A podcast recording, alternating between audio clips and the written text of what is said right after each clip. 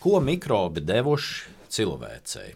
Gan skābekli, ko mēs elpojam, to ir radījuši mikrobi, gan arī viss dzīvais, kas mums ir apkārt, tas ir pamazām, pamazām daudzu miljardu gadu laikā veidojies no mikrobiem. Līdz ar to mēs nevaram sevi pilnīgi atdalīt no tā visa. Kā vispār nav prātīgi sevi kā cilvēku atdalīt, ka mēs esam kaut kas ļoti speciāls.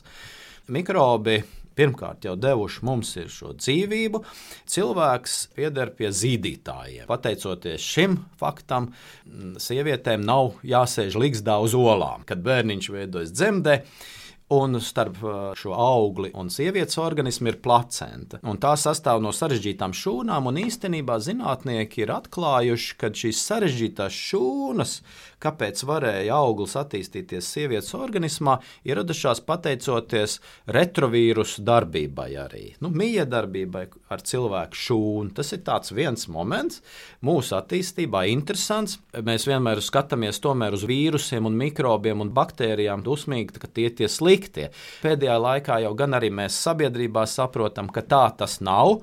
E, protams, ka pirmais ir tas, ka viņi ir devuši nu, negatīvā ziņā mums visas infekcijas, bet kopš mēs esam iemācījušies sadzīvot labāk ar mikrobiem, mēs arī esam no, no mikrobiem ieguvuši daudz arī pārtiks produktus, skāpiena produktu, viss tur jau ir mikrobu darbība. Nu, arī jāsaka, alus, jau konkrēti mikrobi, siers un tā tālāk. Tā kā arī daudz, ko mēs ēdam, tas jau ir viss pateicoties mikrobiem. Ja runājam, ko mikrobi varētu dot nākotnē, eh, mikrobu pasauli ir tik dažāda un tik mainīga, kad mēs varam arī dabā atrast, un jau ir atrast tādu mikrobu, kas jau labprāt ēd kaut kādas sintētiskas vielas, ko cilvēks ir radījis, piemēram, kā tikt galā ar to pašu plastmasu piesārņojumu, ja, kur katrā okeāna kaut kādā mililitrā mēs atrodam visādas eh, mikroplastmasas lodītes, tad tur mēs noteikti varētu ņemt mikrobus arī palīgā. Vārdu sakot, tās tikai ir dažas no sfērām, kur varētu būt mikrobu palīdzība mūsu kā sugas labākai dzīvošanai un izdzīvošanai. Kad bērniņš piedzimst, no tā brīža viņam tikai sāk veidoties mikrobioms. Sākumā viņš ir neaizsargāts. Un te mēs arī runājam par gan dabīgām dzemdībām, kas tā kā būtu labāk, gan arī barošana krūti. Tad tā dabīgā vide, kas ir, tā arī nodrošina to, ka bērnam izveidosies šis mikrobioms tāds, kas eh, tālāk nodrošinās viņa veselību dzīves laikā.